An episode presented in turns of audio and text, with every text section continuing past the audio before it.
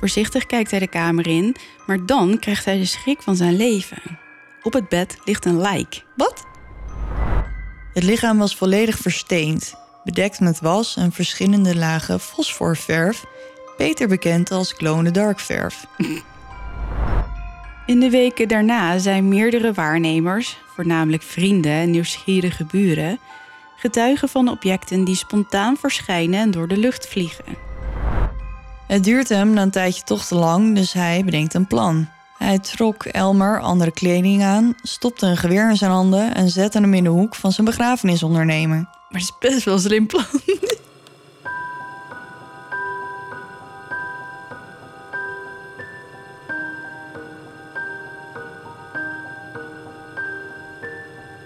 Dit is Duister. Een podcast waarin je wordt meegenomen naar het onbekende, het onbegrijpelijke.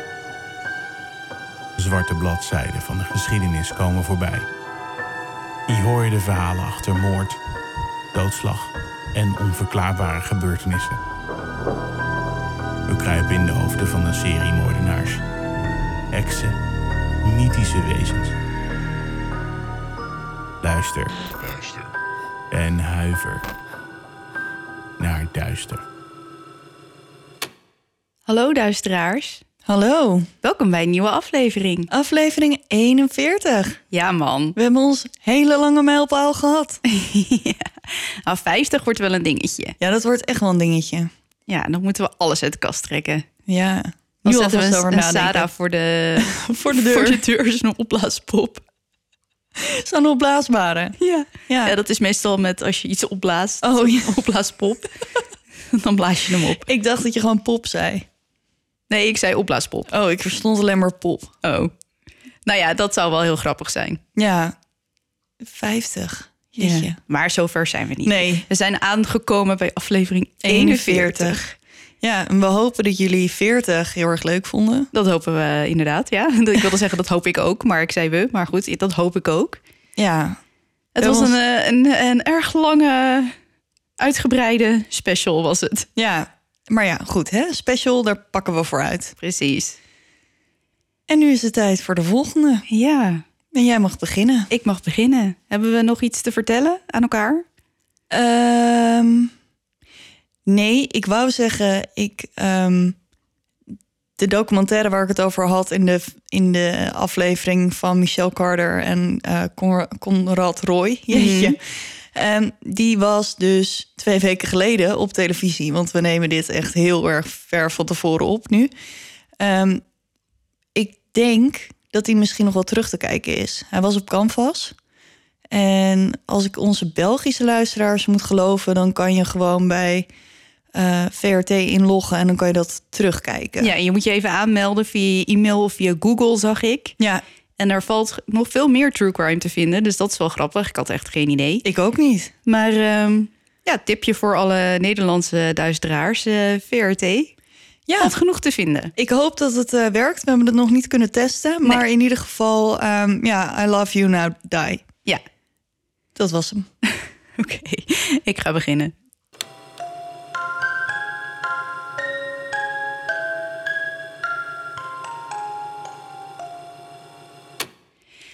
Dit keer een ouderwets spookverhaal. Oeh. Vandaag gaat over een van de engste huizen in Massachusetts, Amerika. Ik krijg het ook Je favoriete, uit. je favoriete eh, plaats, ja? Precies. Ik ga het vandaag hebben over Phelps Mansion. Ken ik niet, denk ik. Jawel. Ja? Denk het wel. Als ik eenmaal begin, dan is het zo'n... Oh, die. deze. Ja. Precies. Het jaar 1843 is een zwaar jaar voor dominee Eliakim Phelps. Het is het jaar dat zijn grote liefde, Elizabeth, overlijdt aan brain fever, oftewel een hersenontsteking. Het verdriet is bijna ondraaglijk voor Eliakim. Hij is pastoor en weet dat zijn Elizabeth naar de hemel gaat, of zou moeten gaan. Hij weet het ineens niet meer. Waarom moest nou juist zij sterven? Eliakim Phelps wordt geboren op 20 maart 1790 in Belchertown, Massachusetts. In 1814 studeert hij af van het Union College in de staat New York en twee jaar later trouwt hij met Elizabeth. Een aantal jaren lang verhuisde het stel van Hot maar in 1840 settelen ze in Philadelphia. Niet lang daarna slaat het noodlot toe en sterft Elizabeth, Eliakim achterlatend met hun nu drie volwassen kinderen. Eliakim is best eenzaam wanneer al zijn kinderen trouwen en uitvliegen. En daarom, twee jaar na het sterven van Elizabeth, trouwt hij opnieuw. De gelukkig is de veel jongere Sarah Nicholson, die bekend is met het verdriet van Eliakim. Zij verloor het jaar voor haar echtgenoot. Ook Sarah heeft kinderen uit haar eerdere huwelijk, twee meisjes en een jongen. Anna van 16 jaar oud, Henry van 11 en Hannah, en zij is 6 jaar oud. Eliakim en Sarah trouwen in 1846. De ceremonie is klein en niet speciaals, maar Eliakim ziet door hun huwelijk de zon achter de wolken vandaan komen. Hij zal ook opnieuw vader worden van Sarah's kinderen, een taak die hij graag en liefdevol op zich zal nemen. Samen krijgen ze zelfs nog een kindje, hun zoontje Sydney. Het samengestelde gezin verhuist na zijn geboorte naar Stratford, Massachusetts, waar ze een huis gekocht hebben. Het gigantische landhuis staat aan Elm Street nummer 1738, stamt uit het jaar 1826 en is gebouwd in Griekse revival-stijl. In wat? Griekse revival-stijl. Je gaat me nu vast vertellen wat dat inhoudt. ja, je moet een beetje denken aan, uh, aan een Griekse tempel. Zeg maar de tempel van Zeus. Zo'n vierkant met allemaal pilaren aan de zijkant, ja, zuilen. Ja, ja. En maar dan op zijn Amerikaans. Dus het, het heeft gewoon, het is gewoon een, een, een soort van replica-achtig. Nee, geen replica, maar je ziet gewoon duidelijk wel Griekse kenmerken erin. Oké, check. Het huis heeft een begane grond en twee verdiepingen en vier prachtige Griekse zuilen aan de voorkant. De oorspronkelijke opdrachtgever van het landhuis was generaal Matthias Nicol, die het liet bouwen voor zijn dochter Eliza en schoonzoon kapitein George Robert Dowdle. De centrale gang van het huis werd door Eliza ontworpen, speciaal voor haar man George, en doet denken aan het bovendek van zijn voormalige schip. Breed en lang, met dubbele trappen die naar de eerste verdieping leiden. Het interieur is elegant te noemen, met kroonluchters, gebeeldhouwde lambrisering en gegoten pleisterwerk. Hoe prachtig het allemaal ook is, er zijn enkele aanwijzingen dat de nieuwe familie van Eliakim niet meteen gelukkig is in het nieuwe huis. Vooral voor Sarah is de verhuizing een grote omschakeling. Ze is vaak onwel en heeft een hekel aan Stratford en de mensen die er wonen. Ze maakt geen nieuwe vriendinnen en wil geen bezoek ontvangen van bijvoorbeeld de buren.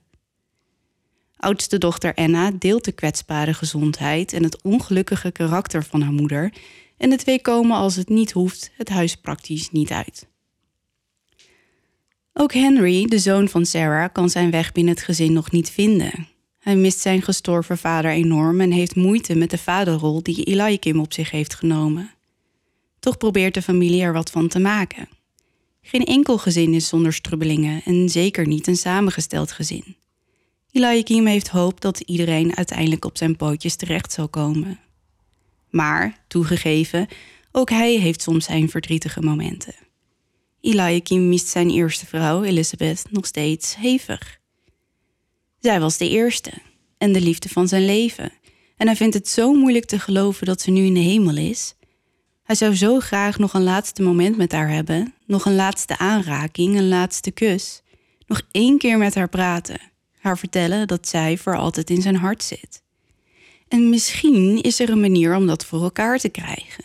Eliakim heeft gehoord over de zusjes Fox, die een soort beweging zijn begonnen. Het spiritualisme. Oh, je favoriet? Ja, ik heb het al eens eerder over de zusjes Fox gehad, maar voor wie het niet meer weet, hier een kleine samenvatting.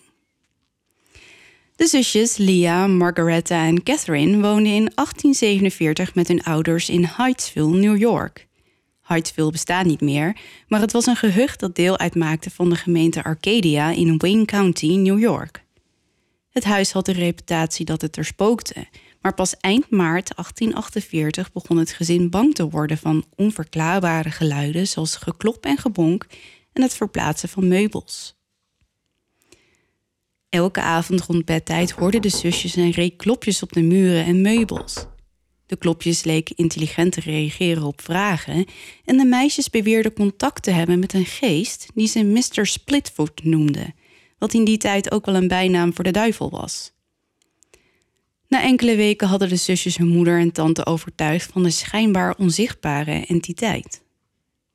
Daarna zou de slaapkamer van de zusjes avond na avond volstaan met mensen die vol ontzag in het kaarslicht stonden, terwijl de klopgeluiden om hen heen manifesteerden. William Dassler, een buurman, stelde hardop vragen en ontving als antwoord een snelle reeks klopjes, of raps, zoals hij ze noemde. En dan niet de knorwereld gericht. raps. Of de Mexicaanse. Of de... Ja. ja nee. nee. maar echt raps als in een hip-hop rap. Zeg maar gewoon een snelle, snelle opeenvolging van mhm. geluiden. Langzaam kwam aan het licht dat deze intelligente geest een aardse identiteit had gehad. Ze kwamen erachter dat hij een 31-jarige marskramer was, die voor een bedrag van 500 dollar was vermoord en vervolgens door een vorige huurder onder het huis van de familie Fox was begraven.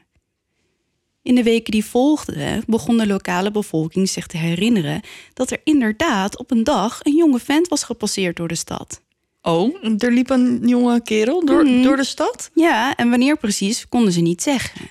En anderen zouden later zweren dat er al eerder onder het huis botten en een stel menselijke tanden waren gevonden. En zo werd het verhaal de waarheid en vergaarden de zusjes Fox zijn reputatie als mediums en besteden ze hun verdere leven aan het houden van seances en het oproepen van de doden. Al snel werden ze spiritualisten genoemd, de term afleidend van het woord spirit. En hoe het verder afloopt met de zusjes Fox, dat vertel ik een andere keer. Voor Eliakim zou het spiritualisme dé oplossing kunnen zijn. Door middel van een seance zou hij misschien contact kunnen krijgen met Elizabeth. Maar hij heeft geen idee hoe zoiets werkt. Via boeken verkrijgt hij meer informatie over bijvoorbeeld helderziendheid en hypnose. En het laatste wil Eliakim wel proberen. Het lijkt hem onschuldig en zo kan hij wat ervaring opdoen. Maar zelfs na een aantal keer proberen krijgt hij niet het gewenste resultaat. Een tijd lang laat hij het rusten, maar dan op 4 maart 1850 besluiten hij en een vriend na het diner bij de familie thuis in een soort van bevlieging om stiekem een seance uit te proberen. Wanneer het gezin naar bed is, doven ze de lichten en met één enkele kaars zitten ze aan de tafel. Eliakim begint hardop vragen te stellen. Of er iemand bij hen is. Of diegene misschien Elizabeth is? Even denken de twee een serie klopjes te horen, maar daarna blijft het stil en na een paar uur geven ze het op. Op de ochtend van 10 maart vertrekt de familie in alle vroegte naar de kerk. Het is zondag, dus de meid heeft een vrije dag en het huis is leeg terwijl het gezin de dienst bijwoont. Zoals elke zondag voor vertrek doet Eliakim alle deuren en ramen op slot met de enige set sleutels die het huis heeft. Voor hem is dat rondje door het huis een momentje van bezinning en het helpt hem om zijn hoofd leeg te maken en de rust te vinden voor de aankomende dienst. Na de dienst stapt het gezin in een koets en rijdt richting huis. Deze rit is er een die altijd wat langer duurt. Mensen willen graag een praatje maken met pastoor Phelps, tonen interesse hoe het met hem en het gezin gaat en hoe het grote huis hem bevalt. Eliakim vindt het nooit erg. Hij staat hen graag te woord en het hoort ook wel een beetje bij zijn beroep. Sarah daarentegen lijkt zich kapot te ergeren aan al die vervelende mensen. Wanneer de koets eindelijk voor het huis stopt, vlucht Sarah het tuinpad op met dochter Anna in haar kielzog. Eliakim stapt rustig achter hen aan, maar hoort zijn vrouw bij de voordeur een verbaasde kreet uiten. De mix van verbazing en angst in haar stem maken hem meteen alert. Bij de voordeur aangekomen staat Sarah hem ongeduldig aan te kijken. Ze lijkt haast wel boos. En nu ziet Eliakim de reden. De voordeur staat wagenwijd open. Oh-oh. Er is ingebroken. Zachtjes duwt hij Sarah opzij en stapt over de drempel het huis in. Met zijn hoed in zijn handen kijkt hij om zich heen. Het is een ravage. Alle meubels zijn omgetrokken. Het servies ligt kapot op de grond. Overal liggen papieren, boeken en kleding. Het lijkt wel alsof er een tornado door het huis is geraast. Eliakim trekt een stoel overeind en gaat verslagen zitten. Wat een bende. Maar wanneer hij om zich heen kijkt, ziet hij dat er ogenschijnlijk niets mist. Alles is er nog, Zijn gouden horloge bijvoorbeeld en het dure zilverwerk. De begrijpelijke verwarring en het onbehagen van de familie veranderen echter in ijskoud afgrijzen wanneer ze de trap naar boven nemen. Ook de overloop is één grote chaos. Behang is hier zelfs van de muur gescheurd. Eliakim stapt over de rommel heen en kijkt in elke kamer. Er is niemand te zien. Dan, aan het einde van de gang, komt hij bij de grote slaapkamer, die van hem en Sarah. De deur staat op een kier en langzaam duwt hij hem open. Voorzichtig kijkt hij de kamer in, maar dan krijgt hij de schrik van zijn leven. Op het bed ligt een lijk. Wat? Snel draait hij zich om naar Sarah, die achter hem staat en gebaart naar haar dat ze daar moet blijven staan. Daarna stapt hij op zijn hoede naar het bed. En wanneer hij dichterbij komt, kan hij echter opgelucht ademhalen. Het is geen lijk, het zijn slechts kleren. Oh. Kleren van Sarah. Een van haar nachtjaponnen is keurig uitgelegd op het bed. De armen zijn over elkaar gevouwen en daar ligt Eliakim's vergissing. Het is alsof er een lijk ligt, met de armen eerbiedig over elkaar. Onderaan de nachtjapon liggen kousen en op het kussen ligt Sarah's nachtmuts. Het is een verontrustend tafereel gezien de hele situatie. Sarah komt nu toch de kamer binnen en begint van schrik te huilen. Eliakim loodst haar daarop de ruimte weer uit en stuurt haar en de kinderen weer op weg naar de kerk om de middagdienst bij te kunnen wonen. Zodra ze weg zijn, ruimt hij alles op en maakt het huis schoon. Wanneer er alles klaar is, loopt hij naar de schuur om daar zijn jachtgeweer op te halen. Daarna gaat hij naar boven en in de slaapkamer op een stoel zitten met het geweer tussen zijn benen en wacht of de inbrekers misschien terug zullen komen. Het wordt stil in het huis terwijl Eliakim wacht. Buiten hoort hij de vogels en een enkele koets op straat, maar in het huis is geen enkel geluid te horen. Bijna een uur wacht hij, maar er gebeurt niets. Dan staat hij op, pakt het geweer en loopt langzaam naar beneden. Maar eenmaal daar aangekomen krijgt hij voor de tweede keer die dag een onaangename verrassing. Zodra hij de bocht onderaan de trap omgaat en de eetkamer binnenloopt, staat zijn hart even stil van schrik en even denkt hij dat hij ter plekke zal sterven en zijn geliefde Elizabeth weer zal ontmoeten. In de eetkamer staan elf vrouwen. Wat? Ze staan doodstil en kijken allemaal naar een klein popje dat aan een touwtje aan het plafond hangt.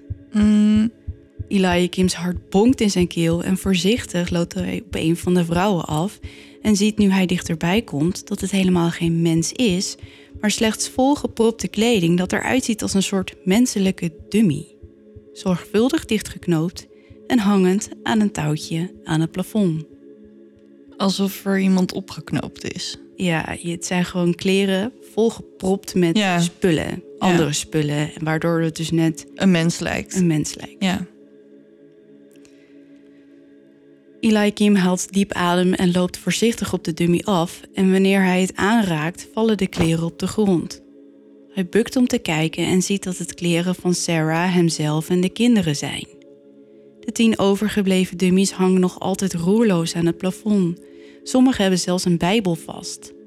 Het is een angstaanjagend gezicht en Eliakim heeft geen idee wat hij hiermee aan moet. Maar dan realiseert hij zich dat zijn gezin nu wel snel zal thuiskomen en begint alles op te ruimen. Als iedereen thuis is, doet hij alsof er niets meer gebeurd is in het huis en dat de inbrekers niet meer zijn teruggekeerd. Opgelucht gaat de familie aan tafel en s'avonds draait Eliakim alle ramen en deuren op slot en even lijkt het erop dat deze hele gebeurtenis slechts een incident was. Maar een paar dagen later, op 12 maart, beleven de kinderen van Sarah een angstig moment.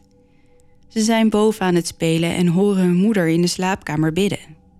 De kinderen weten dat ze dan niet mogen storen, maar toch sluipen ze door de gang en gluren door de kier van de slaapkamer door naar binnen. Aan het voeteneind van het bed zit Sarah, gekleed in haar nachtjapon, met haar hoofd gebogen en in haar handen een Bijbel. De zon die door het raam naar binnen schijnt, voorziet de kamer van een vreemd wit licht, wat ervoor zorgt dat de kinderen hun ogen samenknijpen. Maar dan horen ze achter zich vanuit de keuken hun moeder roepen. Verschrikt vliegen de kinderen op en rennen naar beneden, waar ze Sarah aantreffen, die meteen ziet dat er iets gebeurd moet zijn. De kinderen vertellen schoorvoetend dat ze haar hadden begluurd in de slaapkamer, maar dat ze geschrokken waren toen ze haar hadden horen roepen. Sarah, gealarmeerd door dit verhaal, staat vervolgens op, zegt de kinderen in de keuken te blijven en loopt naar boven. In het voorbijgaan pakt ze een pook van het haardvuur dat ze als een soort van zwaard voor zich houdt. Zachtjes loopt ze de trap op, loopt op haar tenen de gang door en duwt daarna met de pook de deur van de slaapkamer open.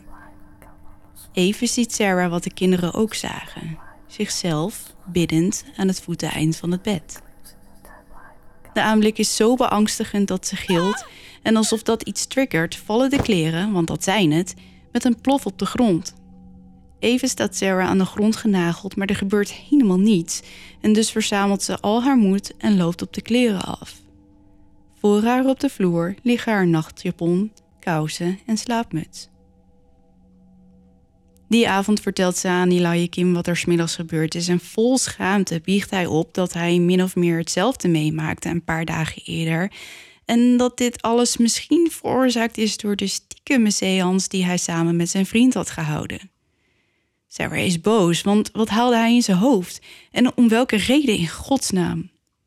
Natuurlijk weet Eliakim die reden wel, maar hij kan het niet over zijn hart verkrijgen om die aan zijn toch al ongelukkige vrouw te vertellen. Maar een paar uur later begint het hem ineens te dagen. Eliakim denkt nu te weten wie hij en zijn vriend per ongeluk tijdens de seance hebben opgeroepen. Het moet Goody Bassett zijn, een heks die in de 17e eeuw verhangen werd aan een boom hier praktisch om de hoek. Oké, ja, Ik ga het vertellen. bijzonder. Ongeveer 40 jaar voor de beroemde heksenprocessen in Salem werd er een vrouw beschuldigd van hekserij. Het was Goody Bassett. In 1651 werd Goody berecht wegens geruchten dat ze een heks was. Het verhaal gaat dat ze een eigenwijze vrouw was die niet veel vrienden had na een verhuizing van New Haven naar Stratford. Naar verluid werden mensen na haar aankomst ziek, leden ze aan hallucinaties en sommigen stierven zelfs. Goody werd onderzocht op een heksenteken op haar lichaam en na een omslachtig proces naar een oude boom gesleurd om daar te worden opgehangen. In het voorbijgaan klauwde ze haar nagels in een rots, in een poging haar straf te stoppen. Die rots staat nog altijd bekend als Witchery Rock. Het moet dus haast Goody wel zijn. Dat duivelachtige poppetje dat aan het plafond hing toen Eliakim die eerste creepy aanvaring had, bewijst dat dit gaat om hekserij. Maar in de dagen erna gaat de situatie van kwaad tot erger. Iedere dag vindt de familie in een van de kamers wel zo'n eng kledingdummy-ding. Op een ochtend hangt er zelfs een boven het bed van Hanna, die zich schreeuwend uit de voeten maakt en zich huilend in de armen van haar moeder werpt. Hoe is dit mogelijk? Het huis is nachts hermetisch afgesloten. Niemand kan erin of eruit. Wie of wat doet hen dit aan? Goody Bassett? Sarah denkt van wel, het moet de heks wel zijn. De familie is christelijk en het waren uiteindelijk de Puriteinse priesters die de heks hadden veroordeeld. Maar toch twijfelt Sarah. Misschien heeft Eliakim per ongeluk haar vorige bediende opgeroepen. Degene waar ze niet zo aardig tegen was geweest. Maar die angst vertelt ze aan niemand. Ja, sorry, maar hoe kan je nou... Ja, misschien is wel mijn oude bediende. Ja. Was ik gemeen tegen. Mhm. En niet alleen Sarah is doodsbang. De kinderen zijn letterlijk verlamd van angst. Ze horen nu vaak geklop en gebons midden in de nacht. Soms is het een enkele klop, soms een hele reeks. Hoe meer het gezin het probeert te negeren, hoe agressiever het geklop wordt. Op 13 maart zit Henry op bed te lezen wanneer hij een klopje op de muur naast zich hoort. Hij wordt bang en legt zijn handen over zijn oren en blijft zitten. Nog een klop, dit keer harder. Henry knijpt zijn ogen dicht. Nu een bons.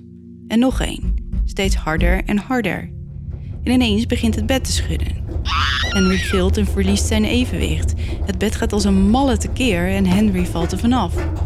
Snel krabbelt hij op en rent de kamer uit, maar op het moment dat hij de deur bereikt, wordt hij getackeld door een kussen dat achter hem aanvliegt. De arme Henry is compleet over de rooien en rent naar beneden op zoek naar zijn moeder, die van ellende niet meer weet wat ze met haar bange kinderen aan moet. Na het incident met Henry is jongste dochter Hannah aan de beurt. Meerdere keren per week wordt ze geknepen en bekrast door een onzichtbare kracht. En het gebeurt waar iedereen bij is. Haar huid wordt dan rood en de hele familie ziet de schrammen verschijnen. Ook struikelt ze ineens vaak en lijkt ze haar evenwicht helemaal kwijt te zijn. En niet alleen lichamelijk, maar ook haar mentale evenwicht lijkt zoek te zijn. Ze is vaak boos of juist verdrietig en vooral heel erg ongelukkig. Maar iedereen gaat gebukt onder de bizarre situatie die in het huis ontstaan is. Meerdere keren per dag vliegen ineens alle deuren in het huis met een klap open. En niet alleen de deuren, maar ook de ramen. Enkele zijn zelfs al gesneuveld. Beddengoed vliegt door de kamers, linnenkasten worden overhoop getrokken. Al het servies wordt keer op keer in de ochtend gebroken op de vloer aangetroffen. Sarah is er helemaal klaar mee. Haar man moet hier wat aan doen. Het is tenslotte zijn schuld dat ze nu in deze situatie zitten. En dus neemt Eliakim contact op met dominee John Mitchell, een goede vriend en gepensioneerd predikant. John luistert kalm naar het verhaal en komt al snel met de meest voor de hand liggende verklaring. Het is de meid. Die heeft vast heel veel humor en haalt grapjes uit. Eliakim is door dit antwoord compleet in de war. De meid, ja, daar had hij nog niet aan gedacht. Maar na ondervraging blijkt het de meid echt niet te zijn. Zoiets zou ze nooit doen. Het zijn vaste kinderen. Maar daar is Sarah het weer niet mee eens. Wat denkt die meid wel? Eliakim heeft echter niet zoveel zin om in deze ruzie te zitten en pleegt opnieuw overleg met John Mitchell, die besluit om naar het huis te komen om de proef op de som te nemen. Op 14 maart worden de kinderen uit huis gestuurd. Alleen Eliakim, Sarah en John blijven achter. Bizar genoeg zijn ze die dag getuigen van maar liefst 46 objecten die zomaar verschijnen en vervolgens uit de lucht vallen en dat terwijl ze zich in een afgesloten salon bevinden. De meeste objecten zijn kledingstukken die op de een of andere manier uit de kast op de bovenverdieping naar de salon lijken te zijn getransporteerd. Het lijkt haast wel telekinese. Sarah vindt het doodeng, maar Eliakim vindt het stiekem best prachtig. Blijkbaar heeft de seance toch iets opgeroepen. Ja, dat zal wel, ja. In de weken daarna zijn meerdere waarnemers, voornamelijk vrienden en nieuwsgierige buren, getuigen van objecten die spontaan verschijnen en door de lucht vliegen. De meeste van deze objecten zweven met abnormaal lage snelheid en komen op de vloer terecht alsof ze daar voorzichtig worden neergelegd. Dus niet alsof er een vlaagwind Nee, het is eh, echt door het huis waait. Nee, iets wordt gewoon alsof iemand het oppakt, alleen die iemand zie je niet. Ja, Eliakim en zelfs Sarah beweren dat sommige objecten tijdens de vlucht zelfs van koers veranderen. Toch zijn er veel sceptici die volhouden dat de familie Phelps het allemaal bij elkaar verzint. Eliakim vindt dat niet erg en stelt zijn huis gastvrij open voor iedereen die wil komen kijken. En vanuit het hele land komen nieuwsgierigen langs en vooral enkele verslaggevers van verschillende kranten gaan graag op het aanbod in. En zo komt het dat er van veel verschillende mensen getuigenissen zijn en de meest volhardende ongelovigen komen op hun eerdere uitspraken terug. En na het lezen van verschillende artikelen in de kranten reist Austin, een van de biologische zoons van Eliakim, naar Stratford om de zaak tot op de bodem uit te zoeken. Zijn oom Abner Phelps, een bekende arts in Boston en wetgever uit Massachusetts, vergezelt hem. Austin zelf is professor aan het Andover Theological Seminary. Geen van beide mannen is blij met de groeiende bekendheid van Eliakim en ook geen van beiden heeft het huwelijk tussen hem en Sarah goedgekeurd. En eigenlijk zijn ze er vrijwel zeker van dat ze een bedrieger onder de familie zullen ontdekken. Tijdens een eerste nacht in het huis horen ze een harde bons, waarvan ze vermoeden dat het afkomstig is van de klopper op de voordeur. Ze trekken de deur open, maar zien niemand. Even later horen ze weer een bons en de situatie herhaalt zich, maar wederom is er niemand. Een derde bons.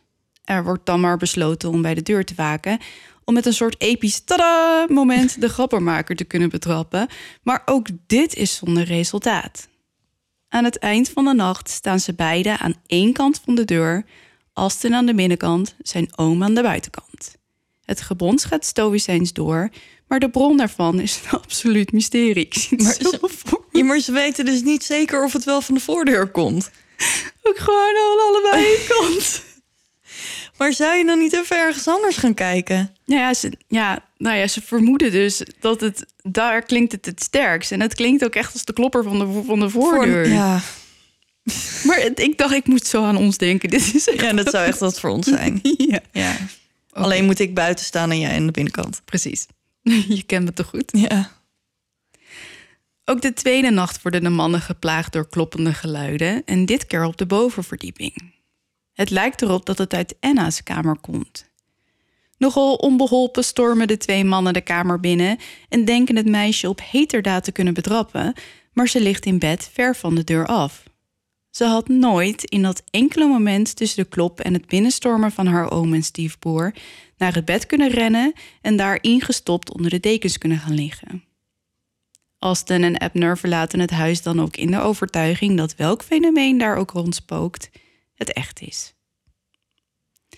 Het gespook gaat echter gewoon door, maar de stemming wordt nu wel grimmiger. Het lijkt nu meer een fysieke, maar ook een psychologische aanval op het hele gezin.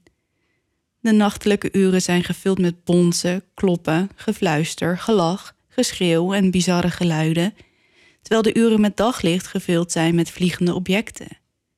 Zilverwerk wordt voor hun ogen verbogen, papieren liggen constant overal verspreid, boeken liggen verscheurd op de grond en tafels en stoelen dansen over de vloer alsof ze tot leven zijn gekomen.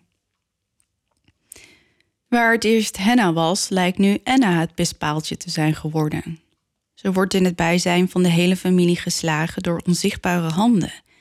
Ze wordt geknepen en er wordt aan haar haren getrokken. Ook het harde geluid van een klap wordt gehoord, alsof iemand haar vol in het gezicht slaat. Op een nacht gaat het zelfs zo ver dat het arme meisje bijna stikt door een kussen dat op haar gezicht geduwd wordt. Gelukkig wordt haar broer Henry wakker door het verstikkende geluid dat ze maakt, maar hij krijgt met geen mogelijkheid het kussen van haar gezicht. Pas nadat Eliakim met één knie op het bed met al zijn kracht de stof van het kussen kapot scheurt, krijgt hij het van haar hoofd af. Voor Henry is deze gebeurtenis zeer angstaanjagend en het is alsof de entiteit het lollig vindt om nu hem weer te pesten. Hij wordt bewusteloos geslagen, geknepen en zelfs ontvoerd. Zo vinden ze de jongen vaak op zeer onlogische plekken terug in het huis, zonder dat hij weet hoe hij daar gekomen is. Een journalist die een artikel schrijft over de bizarre situatie in het huis, beweert zelfs dat hij de jongen door een onzichtbare kracht uit bed heeft zien zweven en op de grond heeft zien vallen. Er zijn zelfs nog meer getuigen bij dat moment aanwezig en allemaal zien ze de jonge Henry uit bed zweven, zo hoog dat hij langs het plafond strijkt. Op het moment dat iemand een verbouwereerde kreet slaat, valt de jongen met een enorme dreun op de grond. Het dieptepunt wordt echter een paar dagen later bereikt wanneer Eliakim hem in de tuin aantreft, opgehangen en vastgebonden aan een boom. Er zit zelfs een touw om zijn nek en Henry heeft geen idee hoe die daar gekomen is. Nadat de jongen is bevrijd en tijdelijk naar familie is gestuurd om bij te komen, zit Eliakim op zijn werkkamer te overdenken wat hij met dit alles aan moet. Het is stil in het huis, maar in zijn hoofd niet, en zijn gedachten schieten alle kanten op. Plotseling voelt Eliakim een aanwezigheid achter hem. Voorzichtig draait hij zich om en zachtjes vraagt hij of Elizabeth misschien bij hem is. Als antwoord op die vraag lijkt de werkkamer in een soort woede te ontvlammen. Ineens klapt de deur dicht. Het open raam slaat dicht en er klinkt een soort vreemde, onmenselijke grom achter hem. Plotseling vliegen al zijn papieren door de lucht, alle boeken vliegen uit de kast en het wordt ijskoud in de kamer. Eliakim staat als bevroren aan de grond, want van deze heftige reactie wordt zelfs hij bang. Dan landt er een papiertje voor zijn voeten. De inkt is nog nat en de boodschap die erop geschreven staat bezorgen hem de rillingen. Wanneer ga je weg? Oh. De dagen erna vindt Eliakim meerdere briefjes in huis, telkens met inkt nog nat en iedere keer met een soortgelijke boodschap als de eerste. Ga weg. Nu is het genoeg. Eliakim besluit dat er wat moet gebeuren. Er zal nog één keer een seance gehouden worden, want dit moet afgelopen zijn. Die avond zit de hele familie rondom de keukentafel. In het midden staat één enkele kaars. Eliakim zegt dat ze elkaars hand moeten vasthouden om zo een gesloten kring te vormen. De kinderen zijn doodsbang en ook Sarah wenst dat dit hele gebeuren zo snel mogelijk achter de rug zal zijn. Dan vraagt Eliakim wie of wat er bij hen aanwezig is. Elizabeth misschien? Op die vraag werpt Sarah hem meteen een woedende blik toe. Toch gaat hij door. Het blijft echter stil en de familie zit elkaar afwachtend aan te kijken. Plotseling horen ze een bonk op de deur. Zo hard dat het ding rammelt in de sponning. Eliakim veert op. Dan vraagt hij weer of Elizabeth bij hen is. Eén keer kloppen voor ja en twee keer kloppen voor nee. Er volgen twee keiharde dreunen. En meteen daarop begint de tafel onder hen te schokken en te schudden. Anna gilt en laat de hand van Henry los, die naast haar zit. En het is alsof ze dat beter niet had kunnen doen, want Henry vliegt van zijn stoel af en landt bijna met zijn hoofd in de open haard. Eliakim schreeuwt nu dat de entiteit zijn huis moet verlaten en dat deze niet langer welkom is. Als antwoord daarop vliegt de stoel waar Henry net nog op zat door de lucht, alsof hij niks weegt, en eindigt in de kandelaar boven de tafel, die meteen met een enorme dreun met stoel en al naar beneden valt. Geschokt zit de familie er naar te kijken, en vanuit het niets dwarrelt er een briefje naar beneden met de inkt nog nat. Ga weg. Die laatste boodschap neemt de familie ter harte. Een dag later worden de koffers gepakt en verlaat de familie hun huis in Stratford en verhuist terug naar Philadelphia. Sarah is bang dat de gewelddadige entiteit achter hen aan zal komen, maar dit is niet het geval. Eliakim keert nog één enkele keer terug naar het huis om een laatste ronde te doen. Wanneer hij alleen door het huis dwaalt, vindt hij wederom een briefje. 1 oktober staat erop. Het is de datum waarop de familie de deur voorgoed achter zich dicht heeft getrokken. En dat was het verhaal van de Hunting of Phelps Mansion. Maar ik nog een kleine reprise. Oh. Er zijn bronnen die beweren dat de entiteit die spookte in het huis tijdens die laatste seance zei dat hij een fraudeur was die in de hel was beland en dat hij gin en pompoentaart eiste. ja, Oké. de fraude die hij had gepleegd had iets te maken met Sarah, maar Eliakim deed dat naar eigen zeggen af als onwaar. Toch bleek later dat Sarah wel degelijk een fraudeplegende belastingadviseur had gehad en dat de man was gearresteerd en in afwachting was van een proces. Wie hij was, of hij inderdaad dood was tijdens de seance, of wat er überhaupt met hem was gebeurd, dat weet niemand. Oké. In de late zomer van 1851 keerde de familie terug naar Stratford. Maar de entiteit leek tegelijkertijd met de familie verhuisd te zijn, want er werden geen activiteiten meer waargenomen. Hm. En sommige anderen beweren dat Anna misschien de aanleiding was voor dit hele gebeuren. Poltergeist. Zij was namelijk een vrij ongelukkige tiener. En we hebben natuurlijk al vaker besproken dat het kan leiden tot poltergeist-activiteiten. Ja, dat was het eerste waar ik aan dacht toen jij met je verhaal begon over Ja. de leeftijden van, De kinderen. van de kinderen. Toen dacht ik, oké, daar gaan we. Ja. Maar ik vind alleen die, die poppen niet echt poltergeist Nee, activiteit. Dat, dat is wel vreemd, hè? ja, de rest, al het kloppen, vliegende dingen en zo, past precies in het straatje. I Maar know. Daarom dacht ook iedereen, nou, het was de heks. Want dat zou je denken. ja, Maar het is echt super weird. Het is echt een mix van alles, inderdaad. ja, maar ik zit me al de hele tijd af te vragen... waarom zou het niet haar overleden echtgenoot geweest kunnen zijn? Oh, de vader. Ja, Ja, want hij denkt, hij zit alleen maar Elizabeth, Elizabeth. Maar misschien is het wel... ja, dat zou ook kunnen. Daar heeft hij denk ik geen seconde aan gedacht. Nee, zou kunnen. Want misschien is die kunnen. nieuwe man wel helemaal niet blij... dat ze getrouwd waren en daar naartoe verhuisd. Ik heb geen idee, ik zeg ook maar wat. Dat zou kunnen, inderdaad. Eh, het huis werd uiteindelijk verkocht in 1859 aan meneer Jozef. nee, geintje. Het werd verkocht aan Moses Beach, die naar verluid geen last had van vreemde gebeurtenissen in het huis. In de jaren 70 werd het omgebouwd tot bejaardentehuis en kort na de opening begon het personeel te klagen over vreemde dingen die er gaande waren. De entiteit begon blijkbaar opnieuw.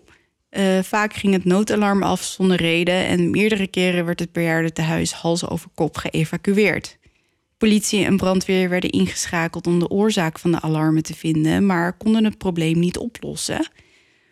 Uh, Ed en Lorraine Warren werden vervolgens ingeschakeld om onderzoek te doen, maar die vonden geen enkele reden voor al het nachtelijke gespook. En kort daarna vloog het huis in brand en werd het verlaten. Rond 1974 werd Phelps Mansion afgebroken, ondanks alle inspanningen van de inwoners van Stratford om het te redden. En dan als laatste, ik zou echt heel erg graag in Stratford willen wonen. Zo. Het is echt een soort van het lagere van Amerika. Nee. Je weet het huis toch van Home Alone? In die straat ja, met ja. die dubbele grasrij en dan de stoep... en dan een hele brede weg met bomen. Nou, dat is Ja. Stratford. Ik kende dit verhaal dus niet. Nee? Oh, Nee. Ik dacht, nee, jij bent zo'n allesweter. Dus ik dacht, nou, dit ken je wel. Nee, ik kan me niet. ehm, kan het me in ieder geval niet herinneren. Nou ja, Phelps Mansion dus. Een ouderwets spookverhaal. Hebben we foto's van, dit, Zeker. van het huis? Ja, ja, ja, er zijn wel foto's. Ook van de dubbele trap naar die eerste verdieping. Oh, cool. En ehm, die ga ik natuurlijk allemaal gewoon eh, op de De website, website. plaat- plaatsen. Dat was het voor mijn kant. Ben jij er klaar voor? Ik ben er zeker klaar voor. Oké, gaan we beginnen.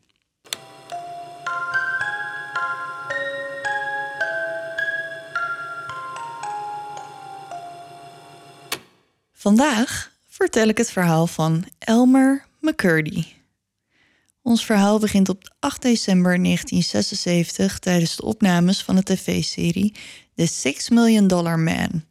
The Six Million Dollar Man is een Amerikaanse science fiction actieserie.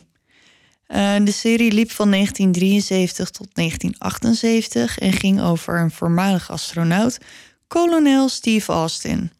Na een ongeluk tijdens een NASA-testvlucht wordt kolonel Steve opgelapt met bionische implantaten die zorgen voor superkracht, snelheid en zicht. Hij gaat werken als een geheim agent voor de fictieve overheidsorganisatie OSI. Dit heeft verder niet zo heel veel met het verhaal te maken, maar dan hebben jullie in ieder geval een idee wat voor serie het was. Oké. Klinkt wel leuk. Een Ja, soort van ouderwetse James Bond. ja, zoiets ja, maar dan bionisch. ja. Anyway, op 8 december filmen ze een aflevering van de serie. Serie? De serie. De serie. Hello there. Oké, dit is beetje... Ga je Ja. lekker met je serie? Ja, de serie bedoelde ik dus Ja. natuurlijk. Dat was duidelijk. Serie, bedankt voor je medewerking. Oké. Oké. Ehm, ik had het dus over de serie. En die werd opgenomen in The Pike. En The Pike was een pretpark slash kermis in Long Beach, Californië. Een van de scènes werd gefilmd in de Love in the Dark attractie. En wat ik ervan begreep is dat de Love in the Dark een soort spookhuis was. Je loopt er doorheen en dan proberen ze je te laten schrikken met allerlei mechanische duveltjes uit doosjes en dat soort ongein. Soort van spokentocht. Ja, zoiets. Dus maar dan is- in een attractie. Ja, zoiets. Terwijl ze de scène aan het voorbereiden zijn, loopt er een medewerker van de serie door het spookhuis om alles klaar te maken voor het filmen.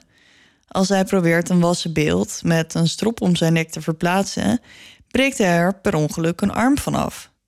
Als hij de arm eens goed van dichtbij bekijkt, denkt hij dat hij botten en spieren aan de binnenkant van de arm ziet. Dat verbaasde hem, want de pop lijkt helemaal niet op een mens. Er is helemaal niks realistisch aan.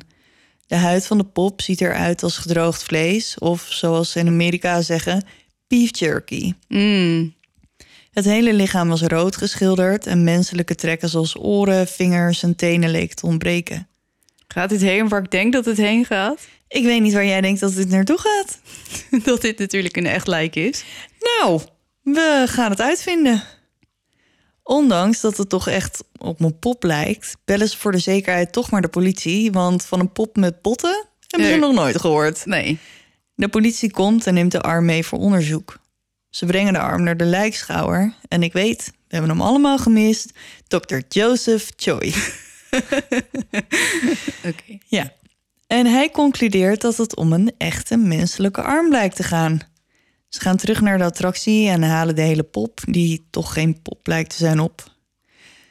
Dr. Joseph onderzoekt het lichaam dat mannelijk blijkt te zijn en het valt hem op dat het lijk een ei-incisie op zijn borst heeft. Dat is zo'n incisie in de vorm van een Griekse ei, die ze Mhm. gebruiken tijdens autopsies, die dan over de linkerborst, rechterborst en dan recht naar beneden Ja, ja. richting de navel loopt, zodat je ze je open kunnen klappen. ja, precies. Dit wijst erop dat er al eens eerder een autopsie op het lichaam is uitgevoerd. Dr. Joseph moest voor zijn eigen incisie een zaag gebruiken, omdat het lichaam zo hard was dat hij met een scalpel gewoon niet doorheen kon komen. Nee, want het is helemaal ingedroogd, denk ik. Dat klopt, Een ja. soort van mummie geworden. Ja. Het volgende komt uit het onderzoek van Dr. Joseph. Het lichaam was volledig versteend, bedekt met was en verschillende lagen fosforverf, beter bekend als glow-in-the-dark verf. ja. Sorry.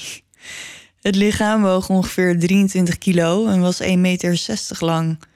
Op zijn hoofd zat nog een klein beetje haar, vooral aan de zijkanten en de achterkant. Zijn oren, tenen en vingers ontbraken inderdaad of waren beschadigd. En uit tests die op het lichaam werden uitgevoerd, bleek dat het weefsel arsenicum bevatte. Dat bestanddeel werd tot eind jaren 20 gebruikt als onderdeel van balsemvloeistof. En balsemen wordt gedaan om het vergaan van een lichaam uit te stellen of te vertragen. Mhm. Dat weten we nog van onze gezellige vriend. eh, wat was hij ook alweer? Le- nee, niet, hij was geen leraar. Die, die vrouw naar haar dood. eh, Oh, dokter Carl Tansler. Ja, daar had je ook al een beetje uitgelegd. Ja. Wat balsem precies Ja. Uit de test bleek ook dat er zich in de longen sporen van TBC bevonden. Later ontdekken we dat dit waarschijnlijk door werk in de mijn is gekomen. Ook vinden ze eeltknobbels en littekens. Oh, daar ging eh, Spam. Ja, Die eh, lanceerde zichzelf even. van de tafel. Nou, kom maar dan. Snel. Miauw. Goed, terug naar de autopsie. In zijn borst vinden ze een schotwond. Waarschijnlijk is de kogel verwijderd tijdens de eerste autopsie, maar dokter Joseph vindt wel een kogelhuls. Het ging om een speciaal soort huls die werd gebruikt van 1905 tot ongeveer 1940. Dit waren de eerste aanwijzingen om de tijd van overlijden vast te stellen. En dan niet het uur of de dag, maar meer het tijdperk. Ja, precies. Nee, dat kun je denk ik niet meer achterhalen. Of wel? Nee, dat wordt vrij lastig. Mhm. Verder vinden ze in de mond munten uit de jaren 20 en kaartjes voor Louis Sunny's Museum of Crime. Wacht, munten in de mond? Ja. Ja. Maar hebben misschien mensen die door die spooktochthuis liepen gedacht... ah, grappig, we stoppen er een muntje in deze pop. Dat kan, eh, maar er is ook nog een andere optie.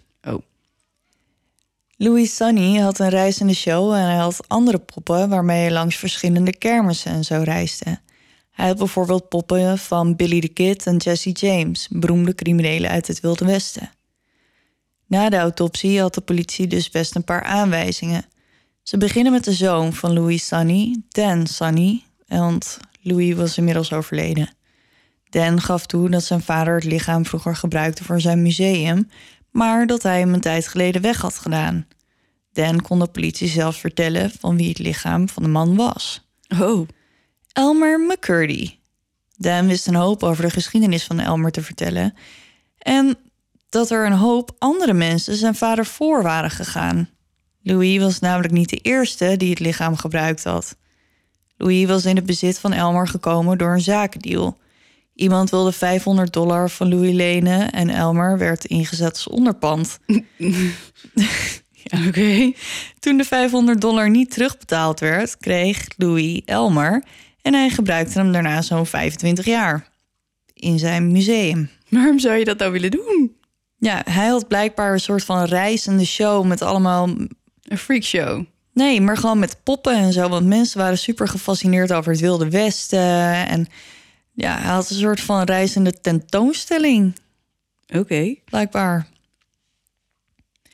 Louis leende Elmer wel eens uit voor filmproducties. En deze zijn trouwens nog steeds te vinden op YouTube. De eerste heet Narcotic en komt uit de jaren 30. De tweede heet She Freak, die zo'n 30 jaar later gemaakt werd. De regisseur van Narcotic, Dwayne Esper, gebruikte Elmer voor promotie van zijn film. Hij plaatste Elmer in de lobby's van verschillende bioscopen en claimde dat hij een dode doopduivel was. Volgens Dwayne, en dat vertelde hij dan als Elmer in de lobby van zo'n bioscoop stond, ehm, had Elmer zelfmoord gepleegd terwijl hij omsingeld werd door agenten nadat hij een drogisterij had overvallen om zijn drugsverslaving te financieren. Dus de film heet Narcotic, dus het zal wel over drugs gaan. Dus Elmer zou dan een drugsgebruiker voor moeten stellen. Mhm. Ja, ja. Mooi verhaal. Ja, hè? Toen Dwayne het lichaam in zijn bezit kreeg, begon het al in een mummie te veranderen. Uh, de huid was hard en verschrompeld. En volgens Dwayne kwam dat dan door het drugsgebruik van Elmer. Mm. Na de dood van Louis in 1949 werd het lichaam bewaard in een opslag in Los Angeles. In 1964 leende Dan het lichaam uit voor de tweede film She Freak. In 1968 verkocht Dan het lichaam samen met andere wassenbeelden voor 10.000 dollar aan Spoonie Singh, de eigenaar van het Hollywood Wax Museum. Hij leende de beelden vervolgens aan twee Canadese mannen die ze tentoonstelden op een show op Mount Rushmore. Tijdens deze tentoonstelling liep Elmer de schade aan zijn oren, vingers en tenen op. Hij raakte namelijk beschadigd door een storm. Oh. Ja, na enige tijd gaven de mannen Elmer weer terug aan Spoonie. Die besloot dat het lichaam er te gruwelijk uitzag om het nog te gebruiken.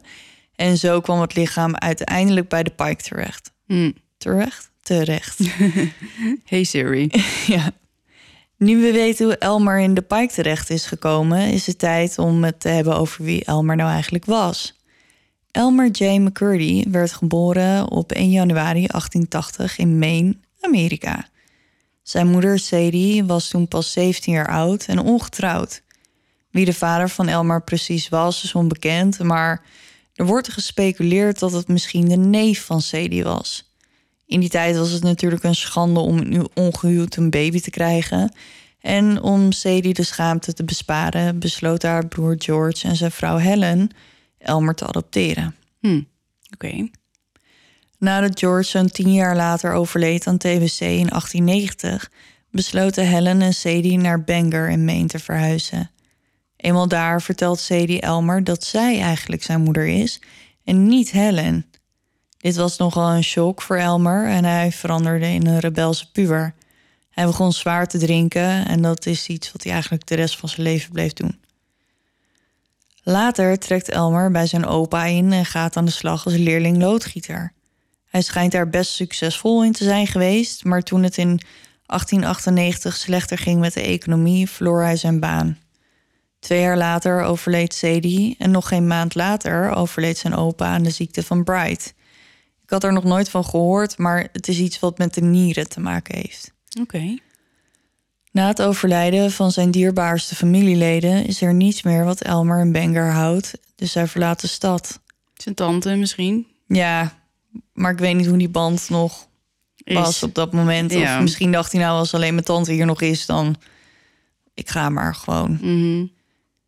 Want hij is natuurlijk al die tijd opgegroeid met het idee dat zij zijn moeder was. Dus misschien vonden die zich ook wel erg verraden. Ik heb geen idee. Nee, ja, dat zou natuurlijk heel speculeer. goed kunnen. Speculeer ook maar iets. Hij werkt dus overal en nergens in mijnen en als loodgieter. Hij was er alleen niet- zo heel goed in om zijn banen te houden door zijn alcoholisme. Oh, Want hij bleef gewoon zwaar drinken. In 1907 gaat hij bij het leger, waar hij met machinegeweren werkte. Op 7 november 1910 werd hij eervol ontslagen. Na zijn ontslag reist Elmer naar St. Joseph, Kansas, om daar ehm, naar een vriend te gaan die hij kende uit het leger. Ik praat gewoon verder, oké? Ja, ja. Samen met deze meneer werd Elmer opgepakt voor het bezit van gereedschap dat gebruikt zou kunnen worden voor een inbraak. Ze hadden beitels, een handzaag en geldzakken bij zich. Ze leggen uit dat ze deze spullen bij zich hebben omdat ze bezig zijn met het uitvinden van een machinegeweer die je met je voet kunt bedienen. En in 1911 worden ze onschuldig verklaard. Oké. Ja, daar zijn ze mooi mee weggekomen. Ja. Niet lang daarna begint Elmer zijn carrière als bank- en treinrover. Toen hij nog in het leger zat, werkte hij wel eens met nitroglycerine en dat is een explosieve stof. Hij kreeg het geniale idee om deze skills te gebruiken voor zijn berovingen. Hij begon in Oklahoma, waar hij samen met drie andere mannen besloot om de Iron Mountain Missouri Pacific trein te overvallen, nadat ze een gerucht hadden gehoord dat er in de kluis van de trein zo'n 4000 dollar lag. Het lukt het viertal om de trein te laten stoppen en de kluis te vinden. Elmer probeert de kluis open te blazen met zijn nitroglycerinebom, maar dat gaat niet zoals verwacht. Voor het maken van zijn bom had hij veel te veel nitroglycerine gebruikt, dus in plaats van het openblazen van de deur ontplofte de hele kluis. Oh. Door de explosie werd het grootste gedeelte van het geld verwoest. Uiteindelijk maken ze 450 dollar in munten buit, maar de meeste daarvan waren aan elkaar gesmolten en aan de buitenkant van de kluis geplakt, omdat het gewoon allemaal gesmolten was in die explosie. Het zal een mooie klap geweest zijn. Dat denk ik ook, ja. hij wil blijkbaar graag een tweede kans, dus in september 1911 probeert hij het nog een keer. Dit keer berooft hij samen met twee anderen een bank in Kansas. En ik weet niet wat ze dachten, maar ze zijn minstens twee uur bezig geweest om de kluis open te krijgen met een hamer. Huh? Ja, en na twee uur gaven ze het op en Elmer besloot om dan toch maar weer een keer de nitroglycerine te proberen. Ook deze keer mislukte zijn plan. De kluis ging niet open. En uiteindelijk verlaten ze de bank met 150 dollar aan munten die in een bak naast de kluis lagen. ja. Oké. Elmer geloofde blijkbaar in uh, drie keer scheepsrecht, want twee maanden later besluit hij opnieuw een trein te beroven, samen met twee andere mannen. Ze hadden het gerucht gehoord dat er 400.000 dollar in de trein zou liggen. Ze betreden de trein via een passagierscoupé, waar de kluis natuurlijk helemaal niet staat. Uiteindelijk stelen ze 64 dollar, twee flessen whisky, een revolver, een jas en het horloge van een conducteur. Het schijnt dat Elmer zo teleurgesteld was door de zoveelste mislukking dat hij zichzelf maar gewoon echt een stuk in zijn kraag begon te drinken. En uh, ja, hij zag het leven even niet meer zitten. Nee. Sorry. ja, ik vind het wel grappig ergens. Ja, maar dat je zo dat je gewoon ook niet opgeeft na de eerste en de tweede keer. Dat je denkt, nee, moeten we nog een keer doen. Die zit de hele tijd te wachten op het moment dat hij zichzelf opblaast. ja, nee. Nee, zover komt het niet. Mm. Dus terwijl Elmer zich aan het bedrinken is, is er niet van op de hoogte dat de politie naar hem op zoek is. Er is 2000 dollar uitgeloofd voor zijn arrestatie. In oktober arriveerden er drie sheriffs bij de hooischuur waar Elmer woonde. Ze omsingelden de schuur en wachten geduldig tot het licht werd en Elmer zou verschijnen. Ik vond in een artikel een stukje uit de Daily Examiner, een krant uit 1911, waarin de sheriff zijn verhaal doet. Komt-ie. Het begon rond een uur of zeven. We stonden daar te wachten tot hij naar buiten zou komen toen het eerste schot op me afgevuurd werd. De kogel miste me en daarna schoot hij op mijn broer, Stringer Fenton. Hij vuurde drie keer op Stringer en toen hij dekking zocht, begon hij op Dick Wallace te schieten. Het volgende uur bleef hij maar op ons schieten. We schoten iedere keer dat we konden terug. We weten niet wie hem uiteindelijk doodde. Bij de schuur vonden we een van de flessen whisky die gestolen werd uit de trein. Hij was bijna leeg. Hij was erg dronken toen hij die avond daarvoor naar huis ging. Einde artikel. Dus uiteindelijk overlijdt Elmer aan een enkele kogel in zijn borst. Van één van deze drie mannen. Ja, ja. Zijn lichaam wordt overgebracht naar Pauhashka. Ja, in Oklahoma. Waar niemand het lichaam kwam opeisen. Nee, dat wel niet. Nee. De begrafenisondernemer, Joseph L. Johnson. Jeetje, twee Josephs. Drie. Ja, maar die ene was een stad. Ja, oké, oké. Anyway, Joseph balsemde Elmer met een balsemvloeistof waar arsenicum in zat. Hij schoor Elmers gezicht, trok hem een pak aan en bewaarde zijn lichaam in zijn begrafenisonderneming, net zolang tot iemand hem zou komen halen. Hij weigerde namelijk om hem te begraven als niemand hem daarvoor zou betalen. Het Dus duurde dan bewaar je dan maar. Ja, Maar hoe dan? Want op een gegeven moment is het toch ook wel een beetje klaar met zo'n lichaam, toch? ja, maar blijkbaar kan je dat Ah, heel lang ja. uitstellen als hij dus zo gebalsemd Ja, is precies. dat het. ehm, Ja, oké. Ja. Het duurt hem na een tijdje toch te lang, dus hij bedenkt een plan. Hij trok Elmer andere kleding aan, stopte een geweer in zijn handen en zette hem in de hoek van zijn begrafenisondernemer. Voor vijf cent mochten mensen het lichaam van de bandiet die niet opgaf komen bekijken, zodat hij daarmee de begrafeniskosten kon dekken. Nee. Ja, en dit is dus hoe dat geld in zijn mond kwam. Want mensen die daar kwamen kijken, die stopten dan geld in, in zijn mond. Maar het is best wel een slim plan. Ja, Maar wel bizar dat mensen hiervoor betalen. Ja, maar het duurde dus ook echt niet lang voordat het lichaam van Elmer een populaire attractie werd. Er kwamen echt superveel mensen op af. En het trok ook de aandacht van kermismensen die Elmer wel wilden kopen als attractie voor hun kermis, maar de begrafenisondernemer weigert te verkopen. Elmer staat vijf jaar bij de beste man in de hoek, als er in 1916 twee mannen, genaamd Ever en Wayne, verschijnen. Ze vertellen de man dat Elmer een lang verloren broer is. Joseph neemt contact op met de sheriff en hij krijgt toestemming om het lichaam met de mannen mee te geven, zodat ze hem kunnen begraven in San Francisco. Hij gaat alleen helemaal niet naar San Francisco, hij gaat naar Arkansas City, Arkansas. Gek genoeg bleken deze mannen later helemaal niet de broers van Elmer te zijn. Oh, toch niet? Nee, en Aver en Wayne zijn niet hun echte namen. Oh. In werkelijkheid gaat het om James en Charles Patterson, de eigenaren van The Great Patterson Carnival Show. Toen ze van het lichaam van Elmer hoorden, bedachten ze een plan om hem in handen te krijgen, zodat ze hem voor een show konden gebruiken. Ze gebruiken het lichaam van Elmer tot 1922 en dan verkopen ze alles aan Louis Sunny. En zo is de cirkel rond. Mhm. Nadat Elmer geïdentificeerd is, kan hij eindelijk ten ruste gelegd worden. In de lente van 1977 wordt hij begraven in Guthrie, Oklahoma. Er waren meer dan 300 mensen aanwezig. Zijn graf is naast die van bandiet Bill Doolin. Zijn lichaam werd ooit samen met dat van Elmer tentoongesteld. Om er zeker van te zijn dat Elmer voor altijd op zijn laatste rustplaats zou blijven liggen, werd er op zijn kist een hoop cement gestort, zodat hij niet nogmaals opgegraven kon worden. Op zijn grafsteen staat: neergeschoten door een sheriff in Osage Hills op 7 oktober 1911, keerde terug naar Guthrie, Oklahoma uit Los Angeles County, Californië voor begrafenis op 22 april 1977. Mogen hij rusten in vrede. En dat is het verhaal van Elmer McCurdy.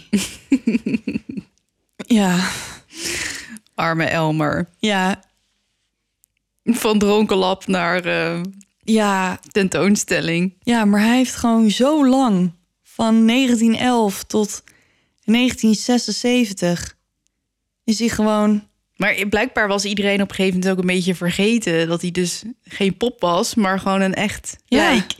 Ja, Want als Sunny Junior zeg maar eh, de geest had gegeven... en die had het nooit aan iemand verteld... ja, was hij misschien nu nog steeds in omloop. ja, maar als ze ook misschien ook als zijn arm niet afgebroken was, Ja, dat hij ja gewoon. ook dat. Ja, ja, ja, ja. Anders dan staat, anders had hij nu waarschijnlijk in een of ander ander museum gestaan of zo, of eh, van, eh, van kermisattracties.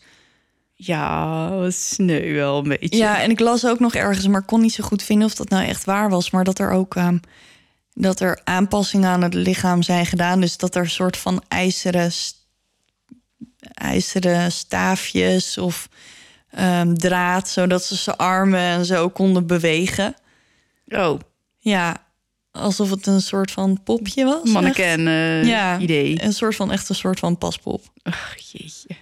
Ja, Elmer. Dus ik hoop dat hij eindelijk rust heeft gevonden. Ik hoop het ook. Ja, en dan gewoon te bedenken dat er gewoon...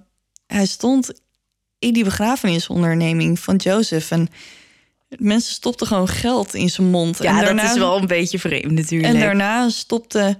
Blijkbaar vonden ze dus ook tickets van dat van Louis' show in Ja. zijn mond. Dat je echt denkt, hoezo zou je dat nou doen? Ja, ik weet het niet, man. Maar ik vind sowieso eh, tot een eeuw of eh, anderhalf geleden waren mensen sowieso een beetje uh, Wappie, wat dat betreft. ja, Ja, want- hoeveel zaken heb ik nu al niet gehad al dat er gewoon mensen tentoongesteld werden? Geen idee. Ik weet overigens wel dat eh Wild West eh, bandieten, zeg maar, de echt, de echt bekende, als ze dan uiteindelijk werden gedood, en werden ze ook gewoon tentoongesteld. Ja, Ten eerste om gewoon een soort van overwim, overwinning, Oh, overwinning. overwinning, eh, van de sheriffs. Zo van, tada, hier zijn ze eindelijk. En nu is hij dood.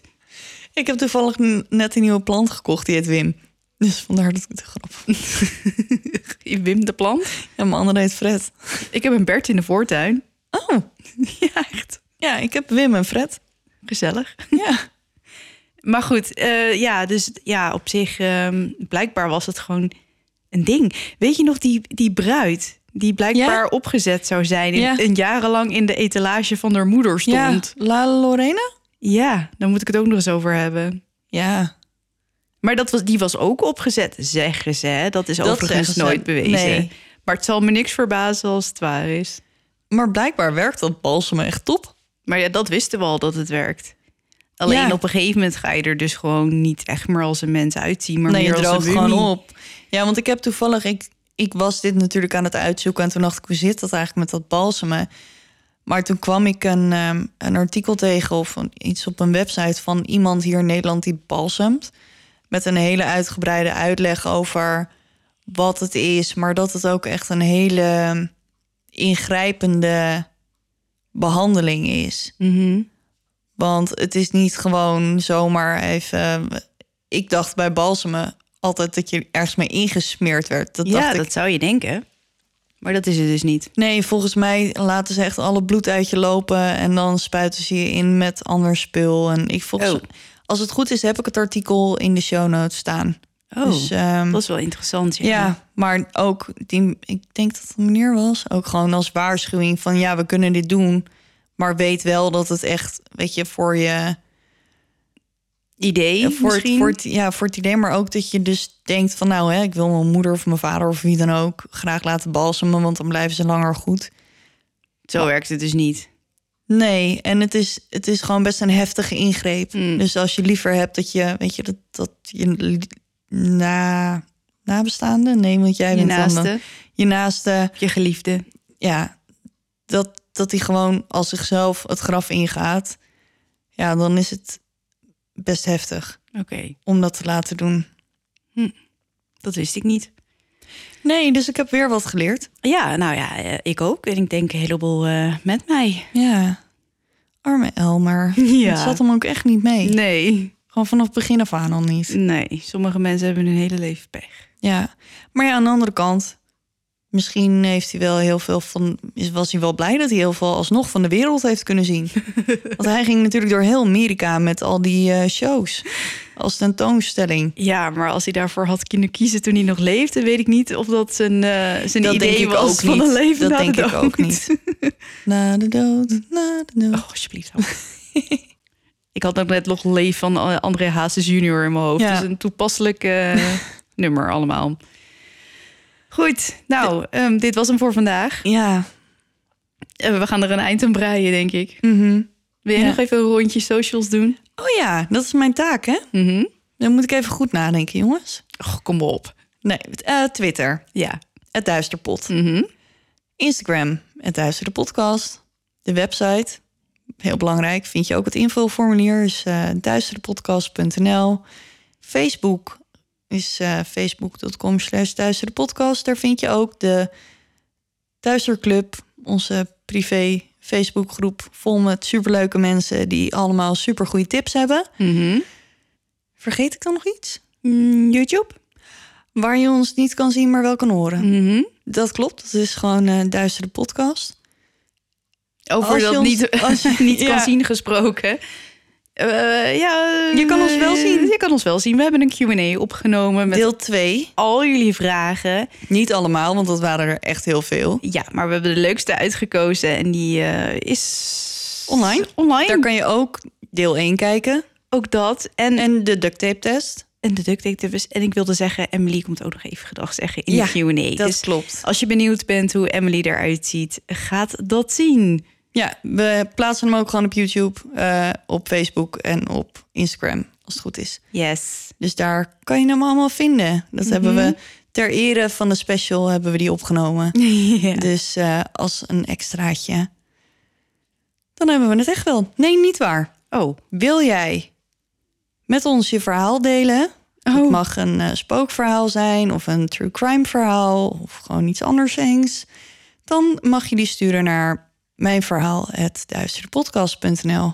Ja, ik ben wel eens benieuwd naar een true crime verhaal van iemand die echt zelf iets meegemaakt heeft. Want we krijgen wel enge verhalen, maar Heel veel dat je- paranormale verhalen dat wel, je ja. buurman wel eh, crimineel is of zo. Ja, of, of of, s'nachts gaten, gaten graaft in zijn tuin of zo. Ja, dat lijkt me wel eens leuk. Dus als je zoiets hebt, stuur het ons door. Ja, en niet denken dat we er toch nooit iets mee gaan doen. Nee, dat is niet waar. Want we bewaren ze allemaal. En we gaan ze gebruiken. Zeker. Dus ze komen echt zeker een keer voorbij. Mhm. Nou, dan ehm, zit het er wel op. Ja, bedankt voor het luisteren, iedereen. Tot over twee weken. En onthoud, Blijf, blijf in het licht. want je weet nooit wat er in het duister op je wacht.